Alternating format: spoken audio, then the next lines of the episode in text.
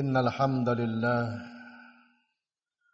نحمده ونستعينه ونستغفره ونعوذ بالله من شرور أنفسنا وسيئات أعمالنا.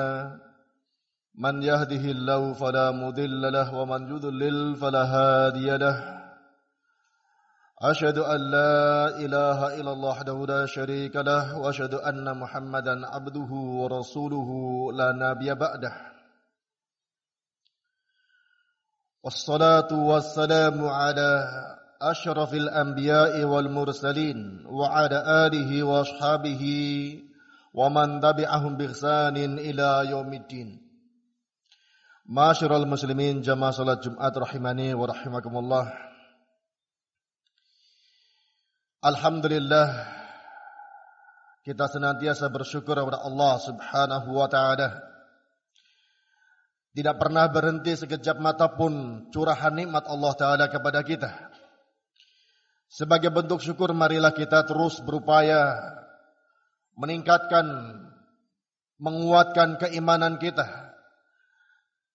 Begitu pula memperbaiki terus dan membenahi amal soleh kita. Tentunya dengan mengkaji ilmu syar'i di antaranya melalui sarana khutbah yang merupakan syariat Islam ini. Yang menunjukkan memang wajib bagi kita untuk mendapatkan ilmu dan mencari ilmu. Agar iman kita terus membaik sebagaimana pula agar amal soleh kita semakin meningkat kualitasnya.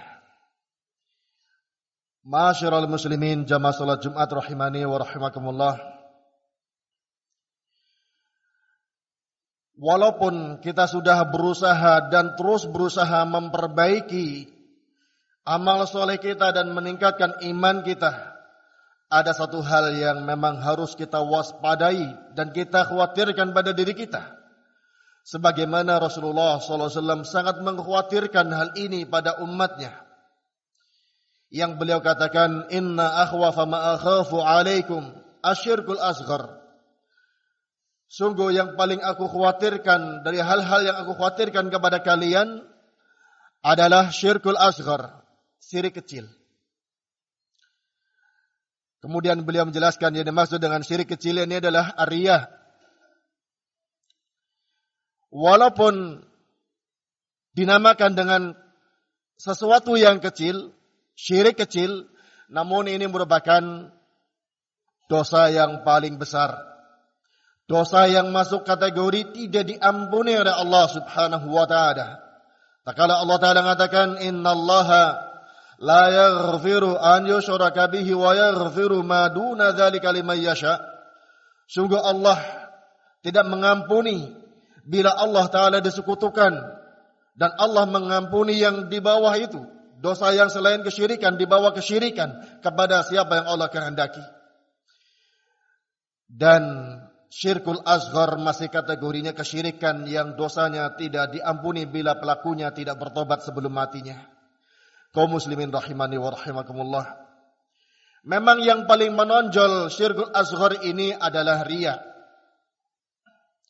Dan yang semisalnya, yang semaknanya, yaitu sum'ah dan ujub. Dan ria ini memang sangat samar. Bahkan yang dikhawatirkan ini karena samarnya menyusup dan meresap pada orang-orang yang memang sudah mau beribadah, yang sudah zahirnya melakukan amal soleh.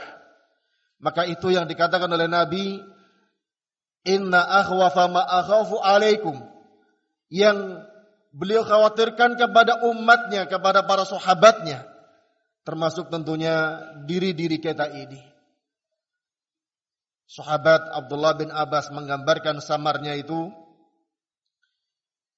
seperti Dabi bin Namlah.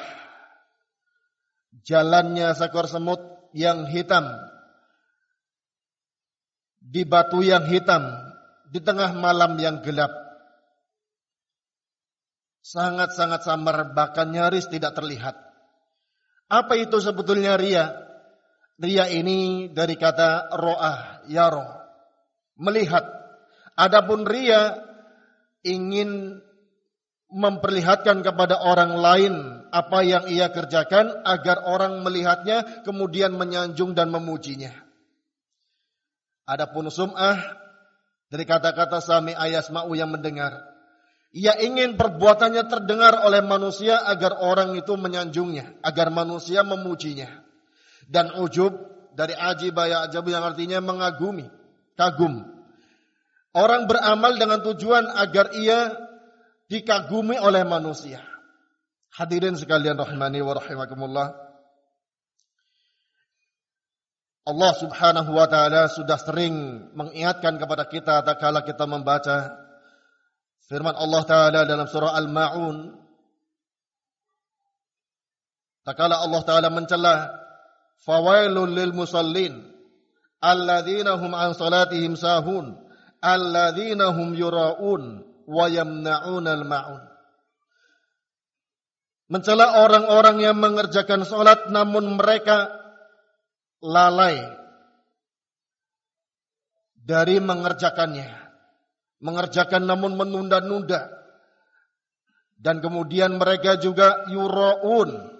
Melakukannya dengan ria. Ingin dilihat oleh orang agar orang menyanjungnya dan memujinya wa yamna'unal ma'un mereka juga orang yang bakhil tidak mau meminjamkan barang-barang yang lumrah dipinjamkan hadirin sekalian rahimani wa rahimakumullah ria ini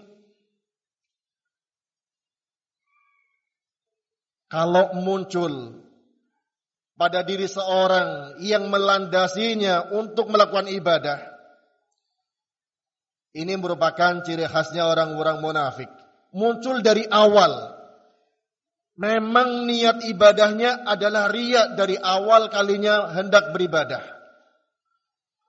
Allah Subhanahu wa taala mengatakan dalam surah An-Nisa 140 142 Innal munafiqina wa huwa khadi'uhum wa idza qamu ila sholati qamu kusala yura'una an-nas Sungguh orang-orang munafik itu berupaya menipu Allah dan Allah membalas tipu daya mereka. Orang munafik bila mengerjakan solat, mereka mengerjakannya dengan malas-malasan. Dalam keadaan ingin memamerkan solat mereka kepada manusia. Hadirin sekalian rahimani wa rahimakumullah. Ini, ria ini ternyata karakternya orang-orang munafik. Makanya dahulu para sahabat radhiyallahu mereka sangat-sangat takut dari kemunafikan. Sahabat Umar ibn al-Khattab radhiyallahu misalnya dia mendatangi Hudzaifah ibn yaman yang mendapat amanah dari Rasulullah SAW untuk merahasiakan nama-nama orang yang sudah disebutkan sebagai orang munafik oleh Rasulullah SAW. Yang tahu hanya Hudzaifah ibnul Yaman karena diberitahu oleh Rasulullah SAW. Umar ibn Khattab mendesak kepada Hudzaifah, "Ya Hudzaifah, beritahukan kepadaku, apakah saya termasuk orang yang disebut sebagai orang munafik oleh Rasulullah SAW?"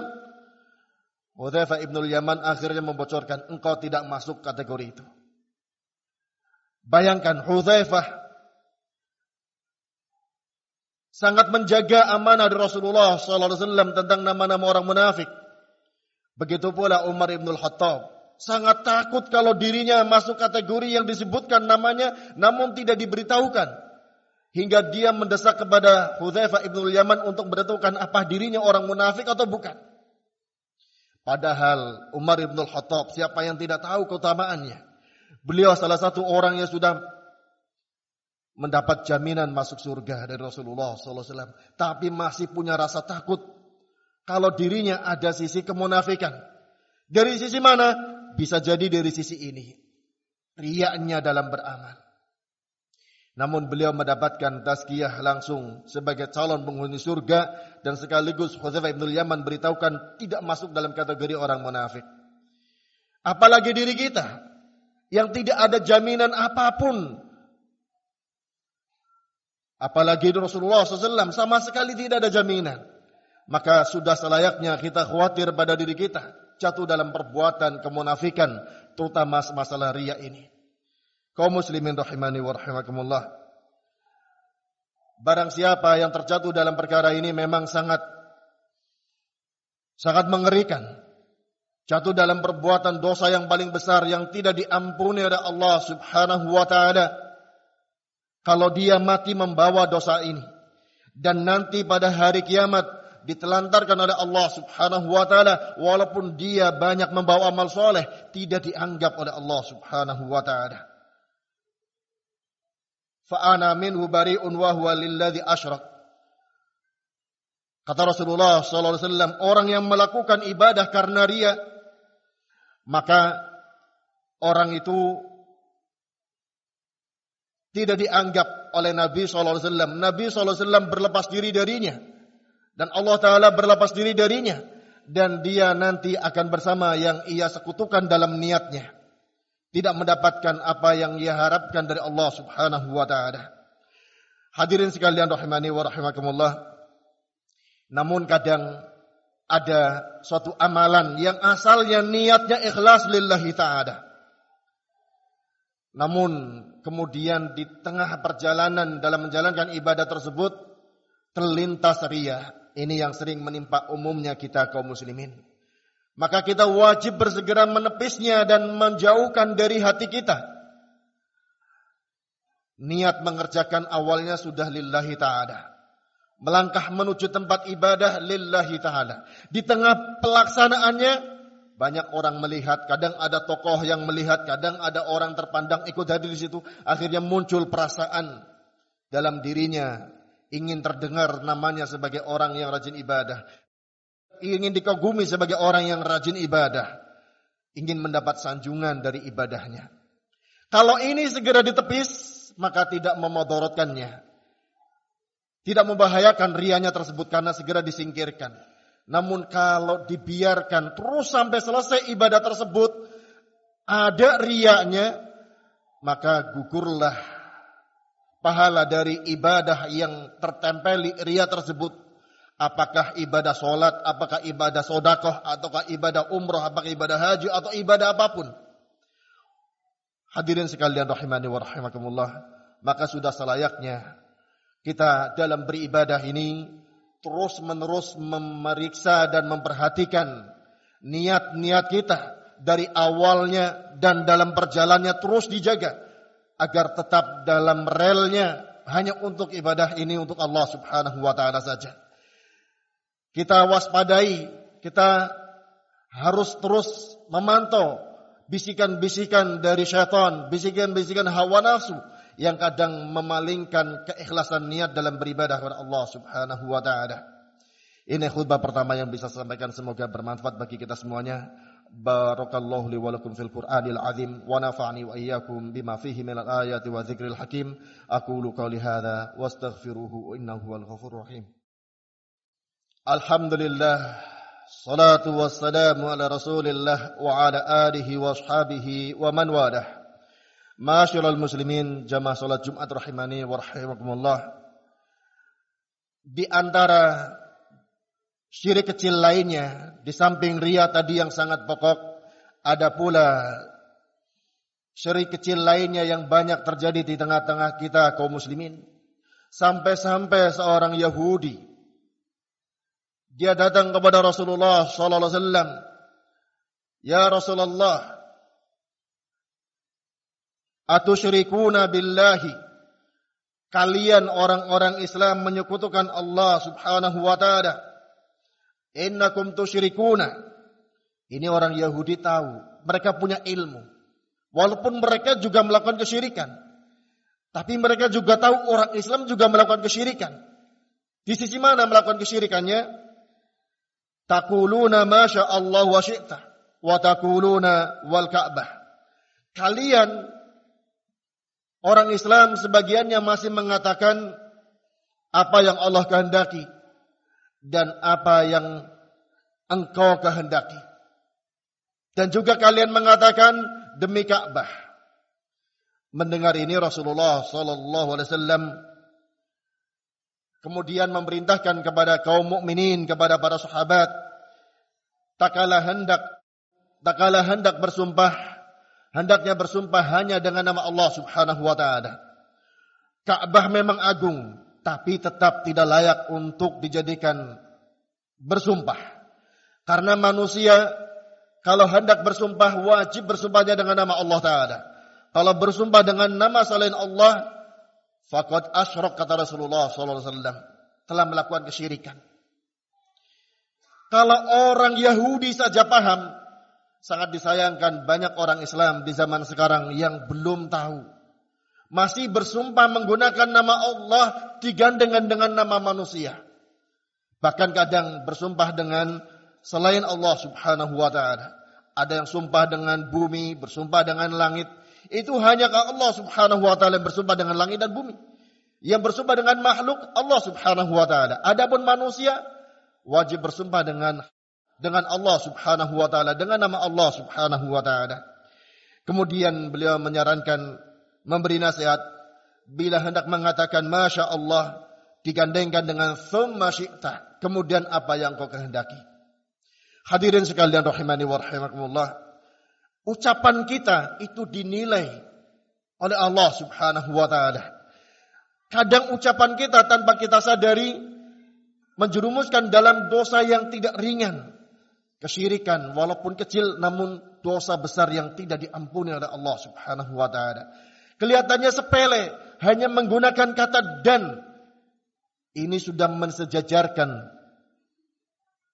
kehendak Allah dengan kehendak manusia. Tak kala seorang mengatakan ini semuanya karena kehendak Allah dan juga kehendak manusia. Misalnya dalam suatu acara terlaksana dengan lancar, kemudian mengucapkan terima kasih kepada para panitia, ini semuanya terlaksana karena pertolongan Allah dan juga ya, dengan kata-kata dan juga karena kekompakan panitia. Ini mensejajarkan kemampuan Allah, kehendak Allah dengan apa yang ada di manusia. Ini masuk kategori kesyirikan walaupun azhar ini kesyirikan. Harusnya bagaimana? Ganti kata dan dengan kemudian. Karena kemudian ini sudah menyelamatkan dari kesyirikan. Karena dan bermakna menunjukkan sesuatu itu di bawahnya. Ini kehendak Allah kemudian atas keulatan panitia misalnya. Ini menunjukkan bahwa keulatan manusia itu di bawah kehendak Allah Subhanahu wa taala tidak sejajar. Kelihatannya sepele, namun itulah akidah. Dan juga yang semana ini tak kala seorang selamat dari sesuatu, selamat dari bencana, selamat dari kecelakaan, selamat dari pencurian dan seterusnya, hendaknya selalu menyandarkan kepada Allah Ta'ala pertama kali. Baru kemudian kepada manusia. Rumah saya Alhamdulillah selamat dari pencurian. Kemudian karena ada orang-orang yang ronda. Alhamdulillah saya tidak jadi kecelakaan. Kemudian karena ditolong oleh teman saya. Adapun kalau menggunakan dan, apalagi kadang-kadang hilang dannya, saya selamat. Untung ada kamu. Untung ada kamu saya selamat. Ini wal billah. Ya. Ini mengandung unsur kesyirikan. Seolah apa yang ada di manusia sama dengan apa yang dimiliki oleh Allah Subhanahu wa taala. Kemampuan manusia seolah sama dengan kemampuan Allah Subhanahu wa taala. Hadirin sekalian rahimani wa rahimakumullah. Ini sesuatu yang sangat ditakutkan oleh Rasulullah SAW. Takut banyak orang yang tidak tahu, banyak orang yang terjatuh ke dalamnya. Banyak orang yang tidak mau mempelajarinya hingga terjerumus ke dalamnya.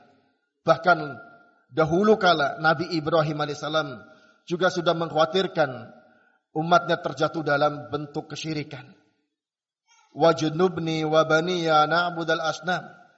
Dahulu Nabi Ibrahim alaihissalam berdoa, jauhkanlah aku dan keturunanku dari menyembah berhala. Dan Nabi Muhammad SAW khawatir sampai-sampai beliau juga berdoa, Allahumma inni a'udzubika an usyrika bika wa ana a'lam wa astaghfiruka lima la a'lam. Ya Allah, aku berlindung kepadamu melakukan kesyirikan dari apa yang aku tahu dan aku mohon ampun kepadamu dari apa yang aku tidak tahu. Namun yang namanya doa harus diringi dengan usaha. Kalau kita sudah berdoa kepada Allah Ta'ala namun tidak diiring usaha, ya Allah tidak merubah satu kaum kalau kaum itu sendiri tidak merubahnya. Hadirin sekalian rahimani wa rahimakumullah. Ini khutbah yang bisa sampaikan semoga bermanfaat bagi kita semuanya. Semoga Allah Subhanahu wa taala membuka kepada kita kemauan hidayah. Membuka hidayah kepada kita untuk mempelajari agama ini agar kita benar-benar dijaga dari amalan-amalan yang menjerumuskan dalam dosa-dosa yang tidak diampuni oleh Allah Subhanahu wa taala. Dan semoga Allah taala menjaga kita terutama dari dosa kesyirikan yang besarnya maupun yang kecilnya. اللهم صل على محمد وعلى آل محمد كما صليت على إبراهيم وعلى آل إبراهيم إنك حميد مجيد وبارك على محمد وعلى آل محمد كما باركت على إبراهيم وعلى آل إبراهيم إنك حميد مجيد اللهم اغفر للمسلمين والمسلمات والمؤمنين والمؤمنات الأحياء منهم والأموات ربنا إنك سميع مجيب الدعوات ربنا اغفر لنا ولإخواننا الذين سبقونا بالإيمان ولا تجعل في قلوبنا غلا للذين آمنوا. ربنا إنك رؤوف رحيم. اللهم يا مقلب القلوب ثبت قلوبنا على دينك. يا مصرف القلوب صرف قلوبنا على طاعتك. ربنا إنا نسألك علما نافعا ورزقا طيبا وعملا متقبلا. اللهم إنا نعوذ بك أن نشرك بك ونحن نعلم ونستغفرك لما لا نعلم. ربنا آتنا في الدنيا حسنة وفي الآخرة حسنة وقنا عذاب النار وآخر دعوانا أن الحمد لله رب العالمين. وقيموا الصلاة.